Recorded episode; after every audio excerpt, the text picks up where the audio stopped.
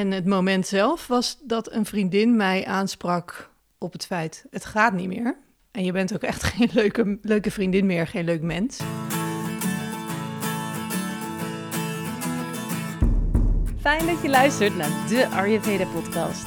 Mijn naam is Sielke en tegenover mij zit Marleen. Hallo. Deze podcast is voor iedereen die met Ayurveda gezonder en gelukkiger wil gaan leven, maar wel met een korreltje Himalaya zout. Ja, wij nemen je mee in onze zoektocht naar gezondheid en geluk.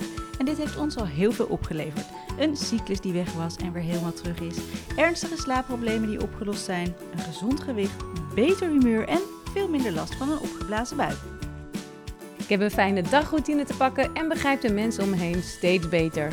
Ons doel met deze podcast is jou helpen begrijpen wat jij nodig hebt. Ja, want vaak kun je met simpele oplossingen fysiek en mentaal in balans komen.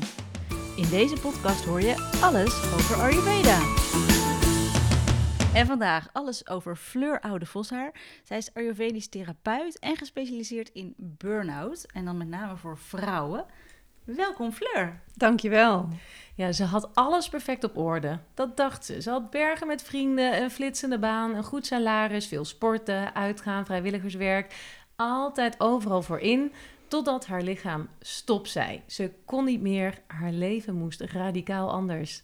Dit staat er op jouw website. Ja. En ik ben heel benieuwd, Fleur, kun je ons mee terugnemen naar het moment dat jouw lichaam stop zei? Zeker. Uh, dat is tien jaar geleden dit jaar. Dit was in 2012. En het moment zelf was dat een vriendin mij aansprak op het feit: het gaat niet meer. En je bent ook echt geen leuke, leuke vriendin meer, geen leuk mens. En op het moment dat ze dat zei, was het echt van: oh ja, je hebt gelijk. En toen, ik maak altijd de vergelijking met een baby. Ik sliep en ik huilde, dat was het. Verder kon ik echt helemaal niks. Wow.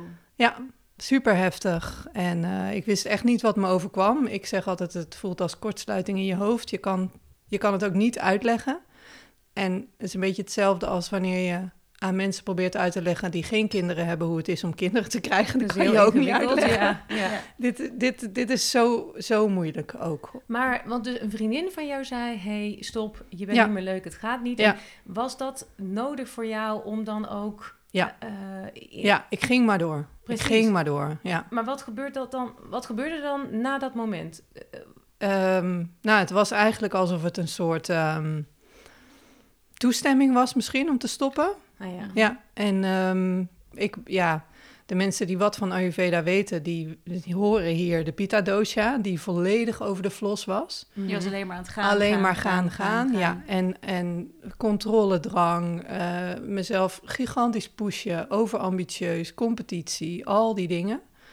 Um, en volledig uit contact met mijn lijf. Dus op het moment dat zij zei van... hé hey joh, dit gaat niet meer. Ze vroeg niet, gaat het wel? Want dat vroegen mensen wel. En nee, prima. En zij zei, nee, stop. Uh, dit, is, dit is niet oké. En op dat moment was het alsof er ja, iets klikte eigenlijk... waardoor het besef kwam van... Mm, niet meer. En ja, dat slaat dan door en echt helemaal niks meer kunnen. Maar die tijd daarvoor, ik neem aan dat het niet van de een op de andere dag ging. Je had natuurlijk echt waarschijnlijk al heel veel klachten die je negeerde. Ja. Waar had je last van?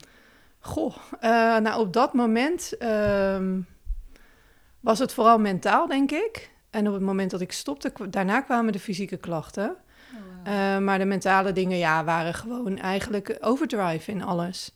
Dus ook gewoon uh, wat sommige mensen dan noemen een second wind, maar s'nachts lekker actief. Ik weet nog, ik, ik draaide toen een vrijwilligersproject naast een fulltime baan, waar na mijn uh, vertrek twee mensen op zaten. Um, en dus nou ja, dat sporten en al dat soort dingen. Dat ik gewoon na zo'n vergadering bijvoorbeeld thuis kwam om 11 uur s'avonds. En dat mm. ik dan tot half twee nog even wat dingen uit ging werken. Dan en dat ik je... dacht, oh lekker, heb ik, heb ik lekker allemaal af. Nee, maar terwijl wow. je dan natuurlijk in, in je tweede pittagolf ja, zit. En compleet. Je, terwijl je eigenlijk dat moment natuurlijk moet gebruiken om alles te verteren. Juist. De emoties van de dag, ja. uh, het, het, eten, noem maar op. En jij gaat dan nog even lekker nog meer doen. Juist. Ja. Dus je brandde jezelf helemaal ja. En er was geen rem en ja, geen moment om te voelen hoe het eigenlijk met me ging. Dus daar, als je achteraf denkt, waar had ik last van, is dat het, denk ik. Dat ik mezelf compleet kwijtraakte. Alleen dat had ik helemaal niet in de gaten. Dat kwam later. En toen? Toen lag je op bed, alleen maar te slapen en te huilen. En ja, nou toen... wanneer kwam Ayurveda toen je leven Ja. binnengewandeld? Ja, dat is leuk. Ik ben toen eh, nog een, een jaartje of zo in denial eh, gebleven. Wow, zo lang? Eh, ja, Hoe, hoe, kan dat dan? Want Nou. als je in bed ligt en huilt alleen maar bij wijze van ja dat deed dan- ik een dan- paar maanden. En dan ging ik daarna weer verder. Hè. Dus elke keer als ik een klein beetje energie... Ja, die wilskracht is dan zo sterk. Mhm. En toen ben ik... ehm, ik had wel al gepland om naar India te gaan een paar weken. En toen liep ik daar rond en ik zag overal Ayurveda, maar ik snapte er niks van. Mhm. Want de ene keer zag ik het met voeding, de andere keer massage, dan zag ik het weer in de astrologie. Ik kon het niet zo goed bevatten. En je, en je kende het toen ook Nee, nog niet echt? Ik kende, Oké. wist er niks van. Ik had er wel een beetje van gelezen, maar ja, het ging eigenlijk langs me heen. En een jaar later, toen ik wel eigenlijk echt in, eh, bezig was met mezelf fixen, zoals Pita-vrouwen dat dan doen. Mhm. Ehm, toen was ik op een of andere super heftige ehm tiendaagse vaste kuur. Waar je dus tien dagen niet mag eten. Nou, jullie hebben net de detox gedaan met wel eten. Dat kan al heftig zijn, maar dat Ja, was we dus zitten er middenin. En we, Ja. Inderdaad, dat is best heftig. best heftig. Nou, dit was dus echt... Niet nou ja, eten. Nee, Niks. niet eten, alleen maar een, een soort van rare sapjes. Ja, het was echt verschrikkelijk. Nou, en ik ging daar dus helemaal niet goed op. Maar goed, ik deed het, want ik dacht, ik moet dit doen voor mijn lichaam, want het is goed. Niet wetende dat mijn vata nog veel heftiger uit balans zou raken. Toen was ik in Thailand en daar liep ik in een boekwinkel tegen een Ayurveda-boek aan en ik las dat. En ik heb het in één ruk uitgelezen. Ik ben gewoon, ik ben gaan zitten. En toen het uit was, ben ik pas gestopt. Ik weet niet hoeveel uur ik ben gaan lezen, maar... En toen dacht ik, dit, dit is het. Wat, dacht, wat, Ja, wat wat- waren dan de dingen waarvan je dacht... Waarom bleef je lezen? Nou, het, ik zei laatst volgens mij tegen jou, Marleen, eh, dat het voelt alsof het een soort kennis is die ik opnieuw gedownload kreeg. Hm. Alles wat ik las, sneed hout. En, en het was de eerste en enige eh, leer die ik ooit heb gezien, die zei niet een one size fits all. Mhm. Ja. Dus ik zag zo duidelijk het verschil tussen wat is voor mij, wat klopt voor mij, en wat kan dus voor een ander heel ehm, eh, nou ja, slecht eh, vallen, zou ik maar zeggen. En eh, gedurende die, die detox was ik met een vriendin, diezelfde vriendin die had gezegd, yo, Je bent niet meer zo leuk. stoppen. en, ehm, en zij reageerde op heel veel dingen dus zo ontzettend anders dan ik. En dat heeft mij aan het, aan het denken gezet van hoe kan dit nou? We zijn in hetzelfde land, op dezelfde tijd, we eten, we doen Mhm. hetzelfde. Waarom reageer jij zo anders? En dat boek gaf mij daar het antwoord op. En Toen En- dacht ik, oh. Toen las jij waarschijnlijk, ik ben een totale pitta-constitutie. Ja. Met een enorme vata-onbalans. Ja, Juist, ja. dus dat je daar... En, want hoe ging het op dat moment met je? Toen nog je steeds daar- slecht. Nog steeds Ja. slecht. En, maar er was dus een enorme trigger. Je hebt dat boek in één keer uitgelezen. Ja. Ben je toen meteen dingen gaan toepassen? Ja. Eh, wat, wat ging je toe- toepassen? Nou, ik ben ehm, sowieso de dingen die ik over voeding die ik kon lezen, of die, die ik meteen kon interpreteren, dat heb ik gedaan. Maar ik ben geland en ik ben gelijk diezelfde middag op achter mijn laptop gaan zitten en ik ben gaan zoeken naar een cursus Ayurveda. En daar zat ik een week later, want die startte Oh, toen net. Oké. Hallo Maar ja, hoi. Die doen dat soort dingen. Ja, die gelijk. doen dit soort dingen, ja. En eh, toen ben ik de voedingscursus gaan doen. En eh, ja, vanuit daar eigenlijk nooit meer gestopt. Dus daar heb ik helemaal ontdekt. En ja, dat is ook een beetje hoe het voor veel mensen gaat, denk ik, met Ayurveda. Dat je het eerst op jezelf toepast. Dan achterkomt hoe goed het werkt en ehm, hoe waardevol het is. Zeker. Dan meer willen leren en vervolgens met anderen aan de slag. Ja. Maar jij voelde je eigenlijk nog helemaal niet goed toen je thuis kwam. Nee. Toen ging je die cursus doen. Ja. Hoe ging het toen met je? Mm, ja, nog steeds wel ehm, uit balans, maar ik had wel het idee dat ik ergens heen ging. Dus ik had wel het gevoel van, oh, oké, alle kleine dingetjes, die, je kunt zo snel effect eh, merken. Ja. Maar het heeft wel echt lang geduurd. Het heeft toen nog, dat was toen inmiddels, was het bijna 2014. En Vier toen... jaar later bijna? Twee jaar. Twee ja. jaar daarna. Oh, twee jaar daarna, Ja, ja. ja. en toen ben ik denk ik in 2017 in, bij, in India geweest voor een panchakarma. En dat is pas echt het moment geweest dat ik helemaal een soort reset heb gekregen. En dat ik dacht, ah oké. Wow. Maar in jaren daarvoor was je er dus wel mee bezig. Ja. Kijk, ik had bijvoorbeeld mijn eerste Abhyanga-massage die ik deed. Ook mijn eerste cursus gelijk in de pauze, weet je wel. Dus net als jij, dat je het gelijk wil gaan doen. ja. Toen merkte ik, toen dacht ik echt, wat gebeurt er? Ik was me aan het insmeren en ik dacht gewoon, wow, ik voel Ja. me zo anders. En dat klinkt voor mensen die luisteren, die denken, ben je gek? Wat overdrijf je? Echt, zo voelde het. Alsof ik thuis kwam in mijn, in mijn eigen lichaam. Ja, omdat je jezelf ook gewoon eens een keertje liefdevol uit mijn hoofd, Juist, ja. uit mijn Ja, hoofd, ja. echt, weet je wel. Ja. En ik dacht, wow, als ik me hierdoor zo goed kan voelen, Juist, is het ja. ongelooflijk. Heb jij dat ook met dingen? Ja, zeker. Ja, ik denk met alle dingen eh, dat je voor het eerst een maaltijd kan eten zonder dat je met een rommelende buik daarna zit. eh, Mhm. Tot de eerste keer dat je ontlasting eindelijk een keer normaal is. Dat je menstruatie meer gaat zijn zoals die moet zijn. Mhm. Maar ook dat je, ja, vooral was het bij mij mentaal eh, waar, waar de meeste winst te behalen was in het begin. Dat ik merkte van, oh, oké, er gaat gewoon wat minder eh, druk op. En er was veel minder oordeel ineens. En er was veel minder, ja, veel minder stekelig, zou ik maar zeggen. Dus want, dat, want wat dat heb je bijvoorbeeld dan eh, qua mentaal eh, uit Ayurveda gehaald? Wat jij, want dat was natuurlijk, ja, je burn-out is natuurlijk echt wel... Dus en lichamelijk, Ja, maar natuurlijk ook heel erg Ja. het mentale gedeelte. Wat vanuit Ayurveda heb je daarvoor toegepast? Eh, nou, ik denk vooral het inzicht in dat ik snapte wat er met mijn hoofd aan de hand was. En dat het dus ehm, dat die disbalans dus ook mentaal doorwerkt. En dat Mhm. het dus dat, dat, er, dat je die signalen kunt eh, herkennen. Hè? Dus dat je dat vooral dat, dat overdreven gedreven zijn en, en die, dat ongeduld en dat oordeel en dat, dat die dingen dus allemaal komen vanuit dat je systeem gebalanceerd moet worden. Want ik denk ook dat veel mensen denken, tenminste dat dacht ik, oké, ik ben gewoon heel gedreven. Ik hou gewoon van hard werken. Ja. Ik vind het fijn. En ik wist niet van, oké, je je kan die, dat kan een talent zijn, Juist. maar je kan er ook in Doorschieten. doorschieten, Ja. waardoor het dus een valkuil Ja. wordt. En je jezelf tegenwerkt. En dat geldt ook voor Vata. Ik kon wijs veel dingen doen en blij zijn met al die, al die, al die nieuwe ideeën. Ja, Maar in jouw geval was je hoofd zo overvol. En je ja. had- elke prikkel was te veel. Letterlijk die emmer met water, Ja. die, die ene druppel. ja, die ene druppel, dat precies. moet overstromen. Ja, en toen merkte ik wel dat door mijn levensstijl aan te passen, dat mijn mind ook rustiger werd. Mhm. En Ja. ehm, En hielp het jou misschien ook dat je zag, oké, dit is uit balans en dat hoort daarbij. Wow, Ja. ik herken dit zo. Wat een geruststelling. Ja, ik ben precies. niet gek. Ja, dat, dat. gevoel. Ja, want, want kunnen we dan, eh, als je kijkt naar Ayurveda en naar burn-out, als je het vanuit de Ayurveda zou omschrijven, wat is dan een, een burn-out vanuit Ayurveda gezien? Nou, in, eh, in het Sanskriet noemen ze het Unmada. En Unmada betekent een disbalans in de manas. En de manas is De de, mind. mind. en het hart. Hm. En dat weten heel weinig mensen. Dus Mhm. een manas betekent niet alleen mind, want dan zou het een mentale verstoring zijn, maar dat is het niet. Hm. En het gaat dus over de combinatie van die twee, waarbij dus alle dosha's uit balans kunnen zijn. Ehm, alleen de meest voor de hand liggende vorm is de Pitta Unmada. Ehm, maar Vata speelt ook altijd een rol. Dus, dus er is een langdurige disbalans in de manas. Ja.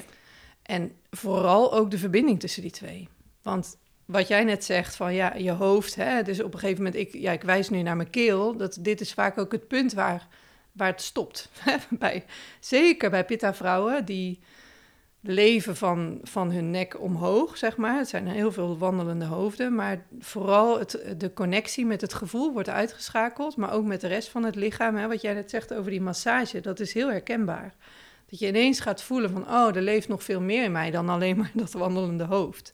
Mhm. Eh, en als je dat dus jarenlang gedaan hebt, dan komt er vanzelf een disbalans. Want dan is er veel te veel hoofd en veel te weinig van de rest. Ja, want dat vind ik ook zo eh, bijzonder dat jij eigenlijk niks lichamelijk mankeerde. En pas toen je lichaam, zeg maar, toen je, toen je niet, niks meer kon, dat je allemaal dingen kreeg. Ja. Dus dat dat, alsof het echt Alsof het blokkeert te vanaf je keel. wachten, weet ja. je wel, maar dat is dus ook gewoon waar je toe in staat bent. Ja. Ja, Dat je het zo lang kunt negeren. negeren. Want het was wel aan de hand. Ja. Precies. Maar je hebt dan gewoon die mind, Ja. die is dan gewoon eindeloos. Ja. eh, Die wilskracht. Ja, wat ik mooi vind is dat jij, nou ja, nadat jij dus aan het studeren bent geslagen, dat jij uiteindelijk hebt besloten, ik moet hier iets mee met Ja. Ayurveda en met burn-out. En toen ben jij een programma gaan opzetten. Ja. Kun je vertellen hoe dat is eh, gegaan?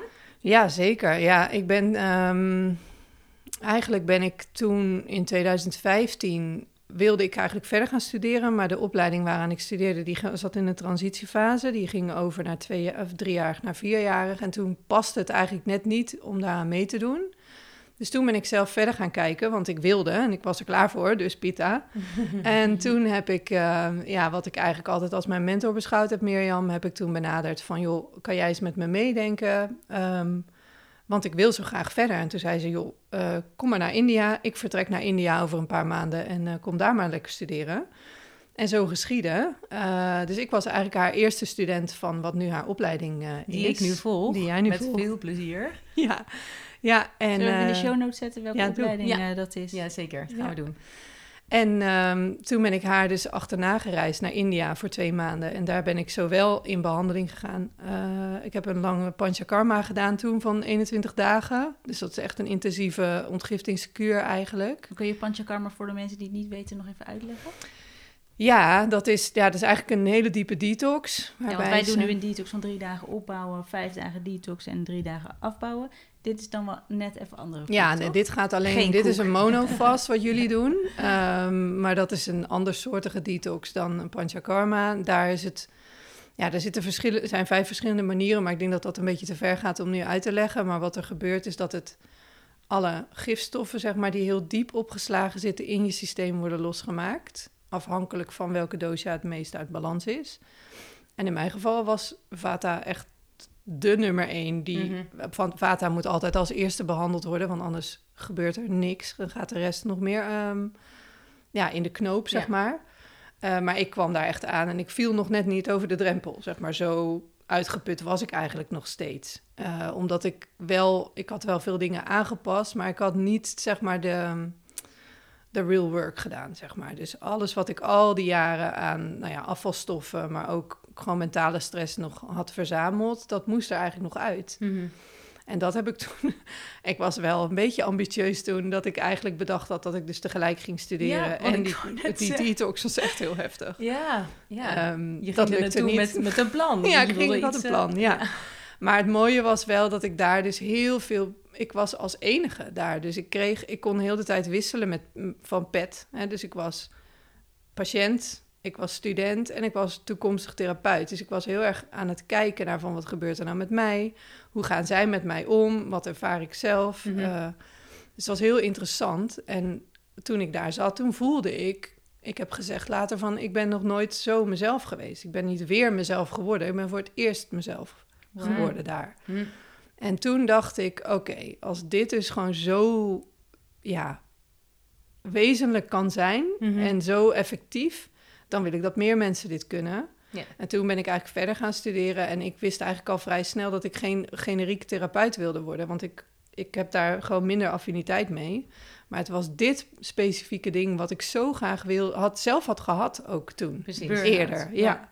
En nog heel veel over die panchakarma. Dan eet je dus, je eet, wat eet je daar? Het ligt aan je dosha. ligt aan je doosje. Wat at jij?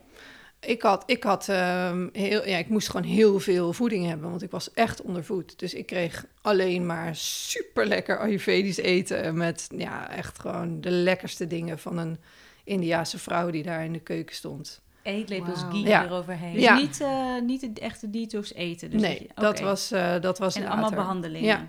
Ja, massages, Svedana, heel veel Shirodara-behandelingen. Dus dat is die olie over je hoofd. En dat is super effectief voor je hormonen.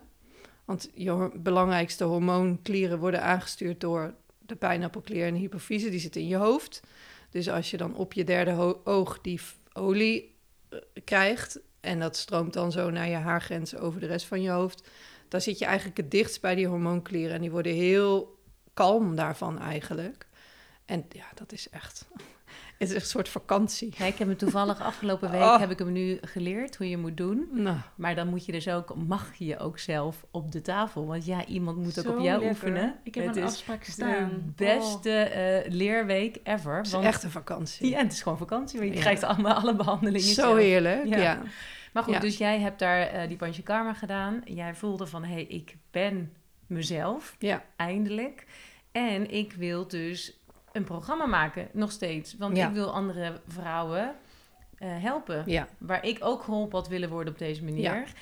Ehm, dat lijkt me wel ook... Ja, ik, ik weet niet of het heel ingewikkeld of heel pittig is om zoiets dan te Nee, maken. Ging het was vanzelf? echt het allermakkelijkste wat ik ooit heb gedaan. Oh ja? Ja, ja dit was echt zo'n flow. En ja, op de een of andere manier... ja, als je dan dus over dharma hebt, over je roeping, wat bij je hoort, dit was totaal moeiteloos. Ja. En het, het was voor mij zo logisch, omdat ik alle stapjes uh, al had gezet, omdat ik ook alle doodlopende wegen al in was gelopen. Mhm. En ik moest natuurlijk nog wel wat studeren, maar ik kon gewoon zo specifiek uitzoeken wat ik zelf zo graag wilde weten.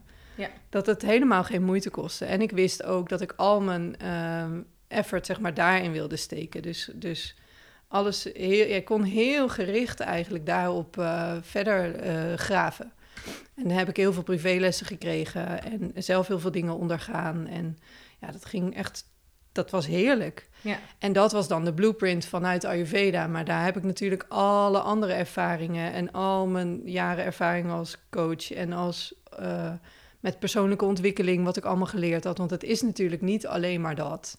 We zitten ook in een wereld die ons dwingt tot bepaalde keuzes. En Ja. ja, daar had ik zoveel al van geleerd dat ik dat allemaal prachtig kon combineren in mijn, eh, in mijn praktijk. Ja, want er komen vrouwen bij jou die hebben echt een burn-out of zitten Ja. er tegenaan? Of Ja, allemaal. allemaal? Dus sommigen hebben het nog, ja, zitten er al in, maar ontkennen het nog. Wat, is het, wat zie je het meest? Wat zie je het meest? En wat is de Goh. meest gegeven tip van jou?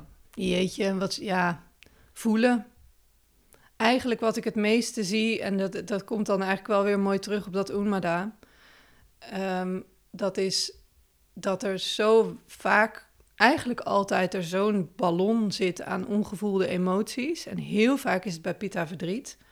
Dat is een soort, bijna een soort gegeven. Ehm, Zo, kun je dat, zou je dat even kunnen, kun je dat uitleggen? Nou, ik denk, mijn theorie, maar dat weet ik niet zeker, heb ik geen onderbouwing voor. Maar mijn theorie is dat de Pitta dosha bestaat uit zowel water als vuur. En dat het vuur zo dominant wordt. ehm, en het water daar eigenlijk meer op de achtergrond verdwijnt. Mhm. En water staat natuurlijk voor flow, voor emotie, ook verdriet. Ja. Water verdampt Ja. praktisch, toch? Ja, en als er dus die onbalans ontstaat, dan, ehm, ja, dan wordt dat water een beetje verwaarloosd. Dat is mijn theorie, maar goed, dat Nou, is het klinkt mooi, want ze zeggen ook wel eh, dat de pitta bestaat uit vuur en een beetje beetje water. water. Ja, Dus dan, eh, dus eh, vaak is het het onverwerkte verdriet ja dat en zie het ik gewoon vaak. eindeloos doorgaan Ja. en jezelf letterlijk opbranden, of let, figuurlijk opbranden. Ja. Ehm, dus dat is ja, wat jij het vaak ziet in. Ja.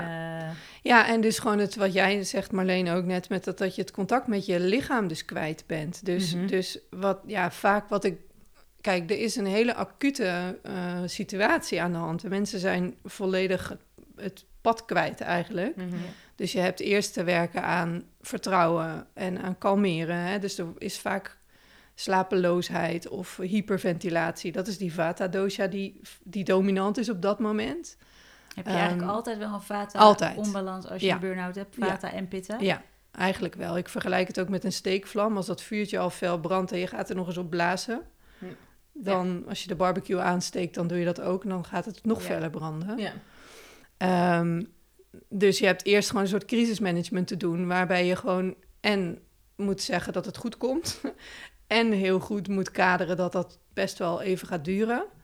En dan heb je aan ja, hele acute dingen te werken. Dus inderdaad slaap, eh, ja, hele heftige stress. En als dat een beetje zakt, dan kun je gaan kijken naar van, hmm, hoe komt dit nou eigenlijk? En wat is er gebeurd dat je hier terecht bent gekomen? En dan ga je eigenlijk veel meer op, op coachingsniveau Ja. kijken naar overtuigingen en normen en waarden, dat soort dingen. En Ja. welke Ayurvedische tips geef je eigenlijk altijd gelijk mee? Eh na die Shodana is echt mijn lievelings. Dat is de De- alternate nostril breathing. Zo'n pranayama-oefening? hè? Pranayama-oefening. Ja, ademoefening. waarbij je dus eh, inademt door het ene neusgat en uit door het ander. Weer uit door het ander, weer terug in. En dan weer terug in. ja, je moet Ja, het maar even het hart en het eh, hoofd verbinden hè, Ja. met die. Ja, Ja.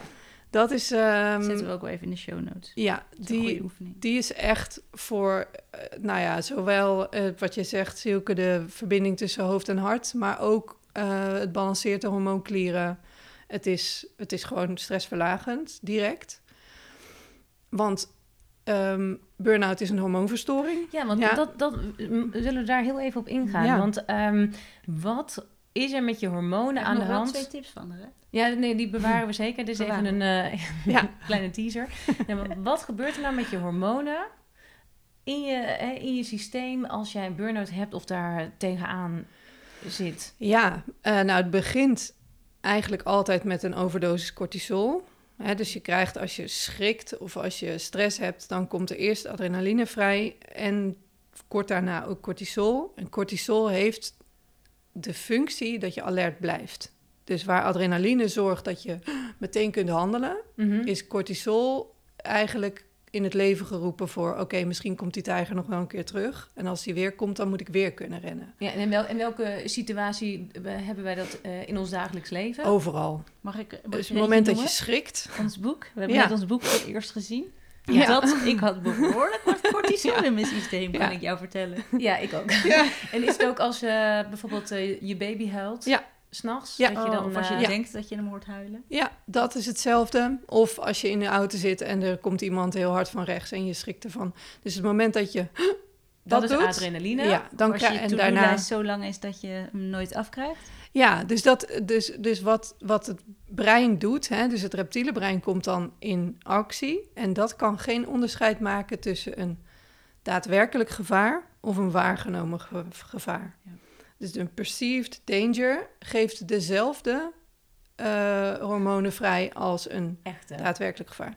Dus jouw to-do-list is geen Nee. tijger die je opeet, maar het kan wel op een gegeven moment voelen als iets waardoor je dus stress krijgt. Nou, dat gebeurt er dus lang. Ehm, en wat het nadeel is van cortisol is dat het tot twee dagen in je systeem kan blijven. En dat betekent dat je dus twee dagen hyperalert bent, maar elke keer dat je nog een keer schrikt, komt er weer cortisol. Erbij. Elke keer weer, ja. En Dus, de adrenaline wordt meteen weer afgebroken. ja, dit, dat is binnen een paar uur weg. Oké. Ja, ja. Dus op een gegeven moment sta je gewoon stijf eigenlijk van de cortisol. En als je dat dus niet goed kan afvoeren, eh, dan, ehm, ja, dan blijft je lichaam eigenlijk in een soort overleeffunctie. Nou, wat jij ook zegt, Marleen, of je denkt dat je baby huilt, Ja. Dan huilt hij niet. Nee. Maar dan heb je wel die spanning Ja. keer in je lijf, omdat je Ja. misschien ergens anders iets van een geluid hoort, of het zo, soort van in je hoofd gewoon ja, inbeeldt. precies. Ja, en dit heeft natuurlijk invloed op alles. Die Ja. cortisol, dan dat je progesteron gaat, gaat daar Exact. heel laag van worden. Juist. Nou, je gaat dat er slecht is van slapen, je melatonine Ja. wordt niet aangemaakt. Het is een soort van cirkeltje waar Ja. je in komt. exact. Dus Ja. Dus de bouwstof van, van cortisol is dus hetzelfde. En vooral progesteron levert daarop in, zeg maar. En ja, dat is een beetje een technisch verhaal. Maar dat is voor je... voor- daarom hebben vrouwen hier ook hebben een heel andere beleving van, dan, van burn-out dan mannen. Die hebben gewoon een ander hormonaal systeem. Mhm. Ehm, en daarom is het ook eigenlijk altijd zo dat iedereen die in een burn-out terechtkomt, ook een, al- op andere plekken hormonale verstoringen kan voelen. Lees moeilijke menstruatie, uitblijvende menstruatie, pijnlijke menstruatie en op den duur zelfs onvruchtbaarheid of echt hele heftige klachten. Die allemaal stress als basis hebben, omdat die bouwstoffen voor de gezonde hormonen opgegeten worden eigenlijk door Ja. die cortisol. Ja. En de grap is dat progesteron is ook de blokker van cortisol. Dus hoe minder progesteron, hoe meer cortisol vrij spel Ja. krijgt. Oh, dus het zo. is een visu- visueuze cirkel. Ja. Dat moet je echt voorkomen. Ja, dus daarom, ehm, ja, dus dat is eigenlijk eh, om door te gaan naar de twee tips. Ja, die precies. nog, eh, ja. en dan is eigenlijk altijd de lever ontzien, is eigenlijk ook altijd iets wat eh, heel snel in mijn programma wel naar boven komt. Ehm, en dat betekent dus gewoon geen koffie meer, geen alcohol meer, of in ieder geval zo min mogelijk. Kijk, je moet de- overgangen niet te heftig maken, want dan schrikt Nog Vata nog meer. Ja. Alleen wel proberen om hoe je zo clean mogelijk kan leven, zeg maar, zodat je lever kan Ja. beginnen aan het afbreken van die overdosis cortisol. En als je dat op een gegeven moment, dan voel je gewoon dat het elastiekje wat minder strak ges- gespannen staat, zeg Mhm. maar. En dan kun je, oké, Ja. ga je beter slapen. En dan, en dat de laatste is eigenlijk gewoon routine. Ja. Met slaap. Met alles. Ja. En het enige waar je eigenlijk als eerste aan kan slapen, of aan kan slapen, aan kan draaien. Mijn cliënten hebben heel vaak slaapproblemen. Ja. En ze zijn heel moe. Dus ze vallen laat in slaap. Wat gebeurt er? Dan blijven ze lang in bed liggen. En daarmee maken ze het probleem eigenlijk erger. Ja. Want volgens de Ayurveda is hè, de Dinacharya het op tijd opstaan, het meegaan met de rising energy zeg maar, van de wereld Mhm. kost het minste energie. Dus dan lever je er niet op in, zeg maar. Dus, Het enige waar je invloed op hebt is op tijd opstaan. Ja, dit is echt mijn lifesaver geweest. Ja. Daar- Ik had zo'n slaapprobleem, zulke slaapproblemen. En nee, vanuit de eh, slaappsychologie wordt gezegd... ga pas naar bed als je echt moe bent. Verhoog die slaapdruk, weet je wel. Dus ik hield me daar zo braaf aan dat ik altijd pas laat ging slapen. En toen kwam Ayurveda en die zei voor tien uur naar bed. En ik ging dat doen. En ik dacht echt, ik ben gek. Wat doe ik in bed? Wat doe ik in bed? Ik viel in slaap en ik werd wakker. En ik echt, ik heb nog nooit zo goed geslapen. Ja, fantastisch. Nou ja, dit is gewoon zo'n goede tip. Ja. Echt. Ja, nou ja, dat, dat, dat vroeg in bed, dat moet maar net lukken ook. Hè? Dus die slaapdruk die Maar verhoogt. vooral niet blijven uitslapen. Want Precies, dat doe je dan ook als je slechte nacht hebt. Exact. Mhm. Ik blijf liggen tot negen uur. En dan ver, ver- verpest je weer dat je weer goed in slaap valt Precies, dus de slaapdruk die, juist, die verhoog je automatisch als je dus op tijd gaat opstaan. Ja. En dus je hebt eigenlijk twee manieren die, die, waarmee je het snelst regelmaat kunt maken in je leven. Dat is één, je eh, tijd dat je opstaat en twee, je maaltijden. Ja. Dus als je gewoon die aan elkaar vastknoopt, dan gaat de Ja. rest vanzelf mee. Precies. En dat is vaak voor mensen ook zo'n. Dan hoeven ze zich daar ook niet meer druk over te maken. Want ik weet niet hoe dat voor jou was als je in bed bleef liggen. Lag je dan lekker rustig? Nee, vreselijk. Dan lag je eigenlijk jezelf met de zweep te slaan van... "Hé, maar shit, ik had er eigenlijk misschien uitgemoeten... of wat lig ik Mhm. mijn tijd ervoor doen? Of, hè, want Pita-vrouwen zijn heel streng voor zichzelf. Die kunnen heel hard met die zwepen aan de slag... en heel veel zelfverwijt. En hoe meer tijd je dan verdoet... Mhm. hoe groter de Pitta in balans weer wordt. Ja. Ja. Dus het is gewoon... ook die visuele cirkel moet je dan doorbreken. En over rituelen gesproken. Wat, zijn, eh, wat, wat, wat heb je vanmorgen gedaan? Vanmorgen ben ik om eh, vijf voor half zeven opgestaan. Toen ben ik naar beneden gegaan. Toen heb ik mijn eh, reinigingsritueeltje gedaan. Dus eh gezicht wassen, tong schrapen, eh nasia, olie, neusdruppeltje. Ja.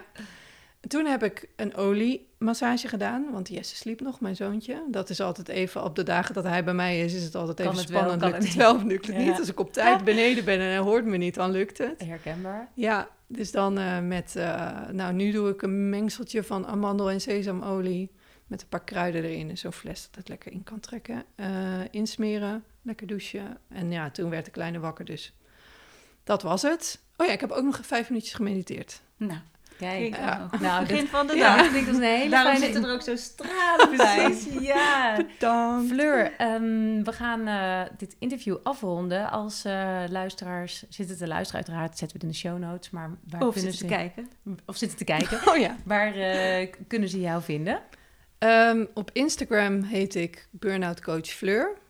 Ehm, en mijn website is ayurveda.amsterdam en burnoutcoach.amsterdam. Dus niet www.burnoutcoach.amsterdam.nl. Nee, Amsterdam is het einde, zeg Oké, maar. Zullen we het in de show notes zetten? zetten we in de show notes. Ja. Ja, dank voor jouw eh, verhaal, voor Ja. jouw tips, voor jouw inzicht. En ehm, Ja, we heb- gaan nog een extra interview doen met, eh, met Fleur. Zeker. Die komt op de community te staan. Nog op onze meer. vernieuwde community. Ja, want we kunnen hier nog heel lang over doorpraten. Ja. Want dit is voor iedereen enigszins herkenbaar, toch? Zo'n, zo'n, door alles rondom stress. Ja. Niet per se een burn-out. Ehm, ja, en eh, we hebben een review. Ik zie jou al helemaal klaar Ja, ik heb hem, dit, dit keer heb ik hem wel voorbereid. Ik heb hem erbij gepakt. Deze is van eh 1, 2, 3, eh 1, 2, 3, 4, 1. Ehm, vijf sterren. Dat, eh, dat eh, zeker. Ayurveda is onwijs interessant, maar ook complex en veel tegelijk. Marleen en Sielke zorgen er met de Ayurveda-podcast voor dat je op een relaxte manier en met een korreltje zout elke week veel leert over jezelf en je omgeving. Een paar eenvoudige tips zijn voor mij lifehacks. Daag, opgeblazen buik. Kom maar door met nog meer tips. Leuk. Dus als jij lieve 12341 eh jouw adres zou willen sturen eh, naar onze, eh, via onze Instagram of naar de Ayurveda podcast at gmail, dan krijg jij een tongschaper van Surya opgestuurd. En die wil je. Hey, en wat je ook wil, over ja, deze podcast komt rond nu, bij, zeg maar, op deze dag dat hij uitkomt, dan is het vijf dagen later. Dan is daar ons boek eindelijk verkrijgbaar. Wij hebben hem al gehad. ja, hij ligt hier op tafel. Dus als je, hem, ja, als je hem nog niet hebt besteld, bestel hem via de link in onze show notes. Hij is echt heel mooi. Ja, dat eh, klopt. Ik kan, Je dat kan niet anders heel zeggen. mooi. ja, Fleur kan het ook beamen. Ja, dit is wel, eh, ja, het is, eh, ik, ik, ben, ik weet nog steeds niet wat ik erover moet zeggen. Ik ben nog steeds een beetje sprakeloos. Ja, ik herken het helemaal. ja. Daarom kunnen ze beter het boek bestellen en lezen. Fleur, dankjewel dat je er was. En wij zijn er volgende week weer met een nieuwe aflevering.